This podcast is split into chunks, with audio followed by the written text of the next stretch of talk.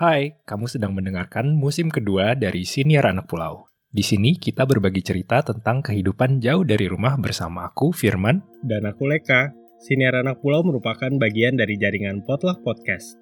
Untuk mendengarkan episode kita sebelumnya, kamu bisa follow Spotify kita Siniar Anak Pulau. Atau Instagram kita at Siniar Anak Pulau dan at Potluck Podcast. P-O-D L-U-C-K.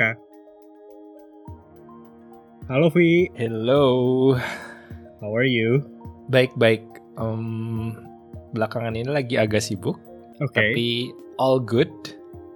oke. Yang penting sehat kan ya sekarang. Iya, good to know. Oke, Vi. Eh, di Hmm. beberapa episode sebelumnya kan kita sempat ngomongin ya tentang mengejar passion. Hmm. Tapi aku rasa banyak nih yang belum kita bahas tentang passion ini. Eh, kira-kira apa lagi sih yang bisa kita kupas dari passion ini, Leka? Waktu itu kan kita ngobrolin tentang bagaimana passion itu jadi pendorong kita ya untuk merantau gitu. Terus Hmm. bagaimana privilege menjadi peran yang penting gitu buat uh, mengejar passion ini. Nah, mungkin apa yang aku pengen kita obrolin sekarang itu adalah apa aja hal-hal yang baru kita tahu atau hal-hal yang ternyata apa ya selama ini ternyata salah kaprah gitu Hmm. dan baru kita tahu setelah kita beberapa tahun menjadi adult gitu. Oh, baru ya, baru, Baru beberapa lah. tahun kita.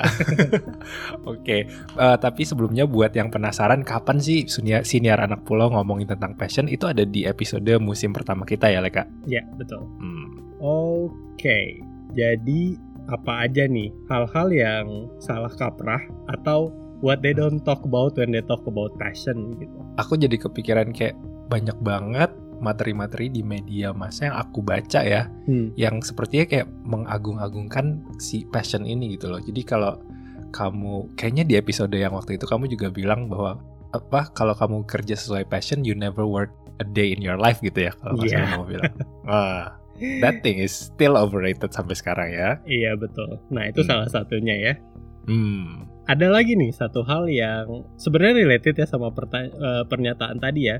Hmm. Kalau ya itu tadi, kalau misalnya kita bekerja sesuai passion, itu eh, kita rasanya kayak nggak kerja gitu, kayak semuanya menyenangkan aja gitu.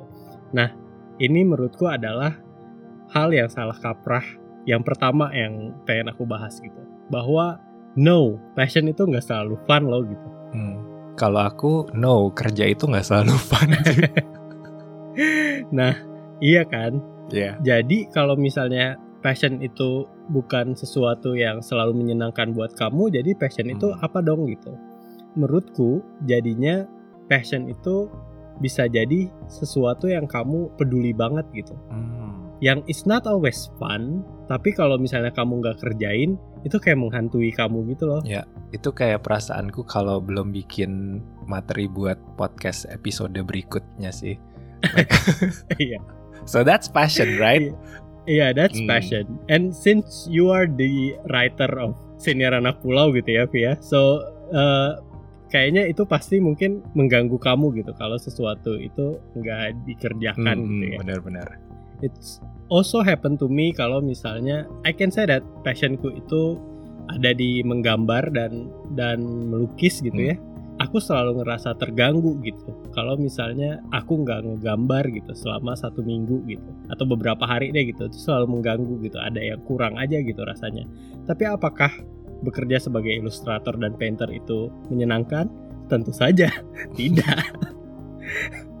That's not the case gitu. Hmm. Jadi ya ya itu dia. Menurutku yang pertama itu adalah passion itu bukan sesuatu yang selalu menyenangkan tapi sesuatu yang you care about. Oke, berarti tapi dari cerita kamu berarti beda ya antara dorongan kamu untuk menggambar setelah absen seminggu sama dorongan kamu untuk menggambar karena kamu harus menggambar.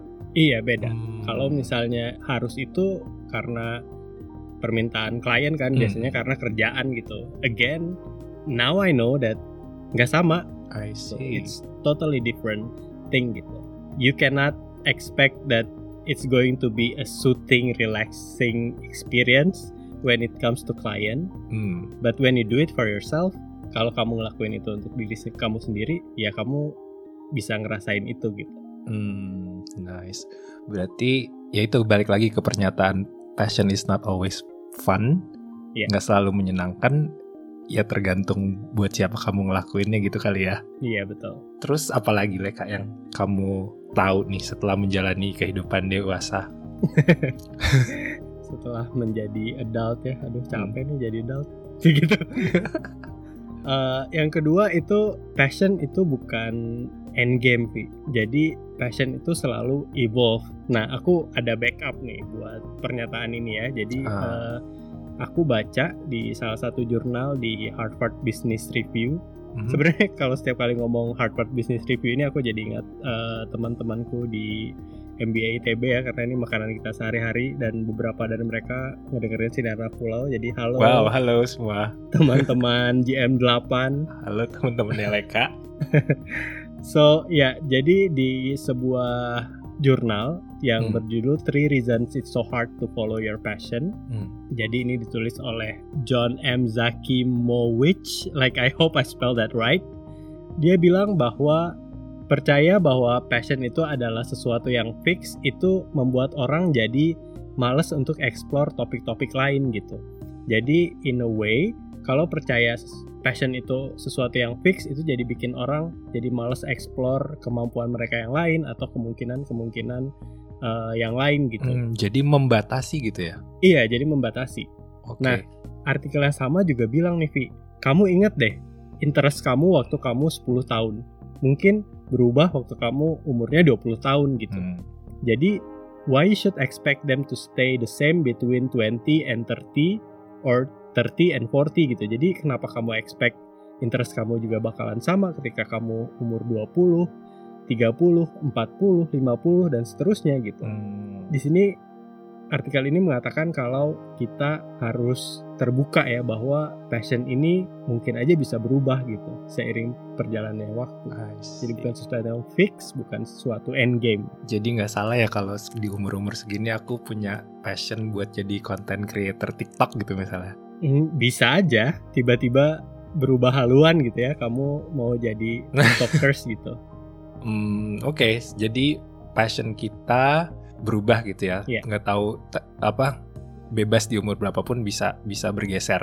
Betul. Hmm, satu hal sih yang aku rasain sih, Leka, ketika passion kita berubah itu, Hmm. kan berarti kita meninggalkan passion yang lama terus beralih ke passion yang baru. Hmm. Yang aku rasakan pada saat itu adalah kayak rasa bersalah Hmm. karena merasa aku udah nemu passionku, kenapa aku tinggalin ya? Oke, jadi ini masih related sama poin sebelumnya ya. Bisa dikatakan gini nggak sih, Pi? Pi, Passion itu bisa jadi drive, tapi bisa juga jadi perangkap nih. Hmm, Kalau misalnya kita ngerasa kalau itu sesuatu, itu satu-satunya yang harus kita kejar gitu. Jadi selain dia bisa membatasi kita dalam mengeksplorasi kemampuan kita yang lain, dia juga bisa membatasi kita dalam melihat peluang gitu. Iya, betul.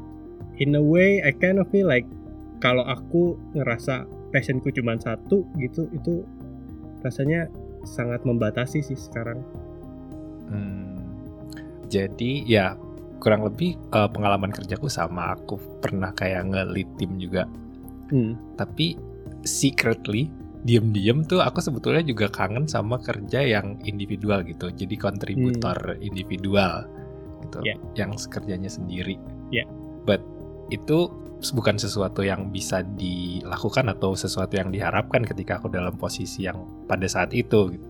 Jadi ya aku nggak bisa ngejalanin. So I think di satu sisi aku menjalani passionku, but aku juga punya passion yang lain sebetulnya jadinya ya.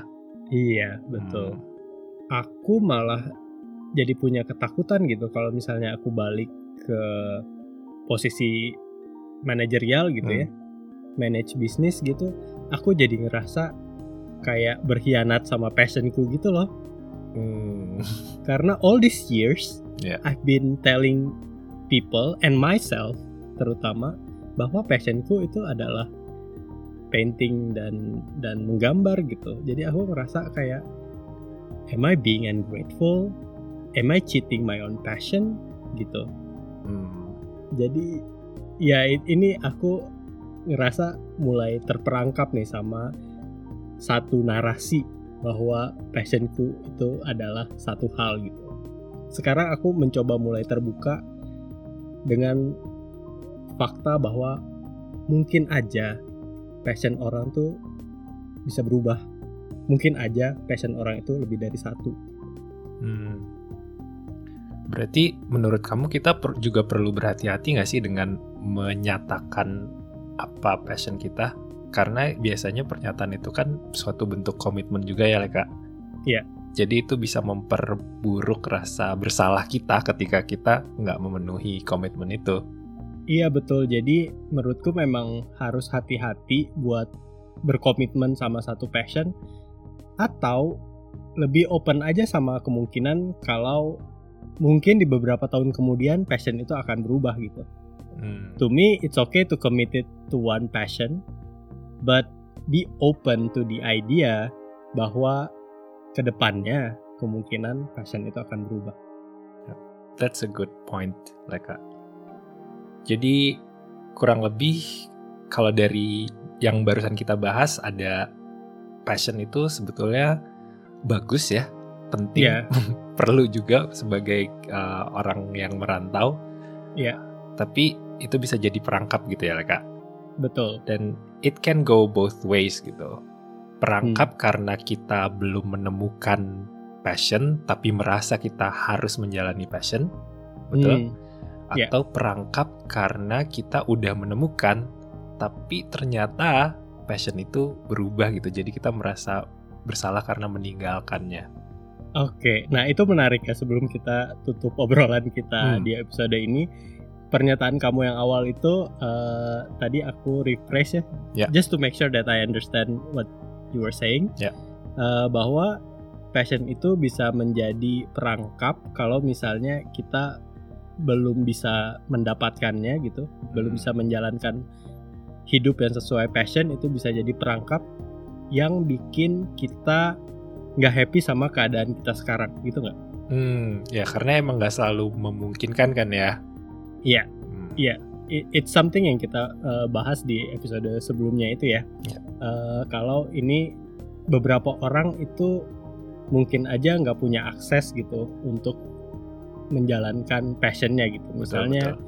uh, seorang yang tinggal di kota kecil gitu. Misalnya aku ya aku balik-balik lagi ke Sanggau ya, kota Hmm. asalku gitu. Kalau misalnya anak Sanggau passionate banget buat jadi apa ya filmmaker gitu. Ya Hmm. bisa lah bikin film indie. Cuman how far you can go gitu. Uh, well buat sekarang sih bisa lebih gampang ya dengan adanya platform digital dan lain-lain. Tapi mungkin zamanku dulu waktu masih SMA is not something yang terlihat possible gitu buat uh, anak-anak sana buat bikin film gitu. Jadi bisa jadi orang-orang seperti ini yang nggak punya akses ke passion mereka itu terperangkap dengan ketidakpuasan gitu ketika mereka ngerasa kalau mereka menjalankan hidup yang tidak sesuai sama passion mereka gitu jadi mereka jadi terperangkap sama rasa nggak puas rasa susah bersyukur gitu karena mereka ngerasa kalau ya itu ya mereka nggak menjalankan kehidupan mereka sesuai potensi mereka gitu. Oke, that's a good point juga. Karena situasi emang nggak selalu ideal ya untuk kita ngejar uh, passion kita atau mendapatkan atau menemukan passion kita.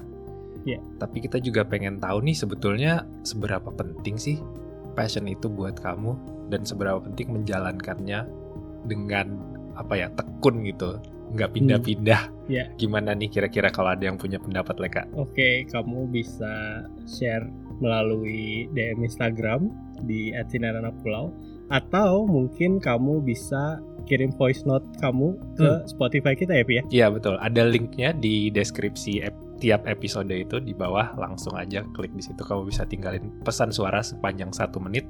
Nanti kita masukin di episode kita.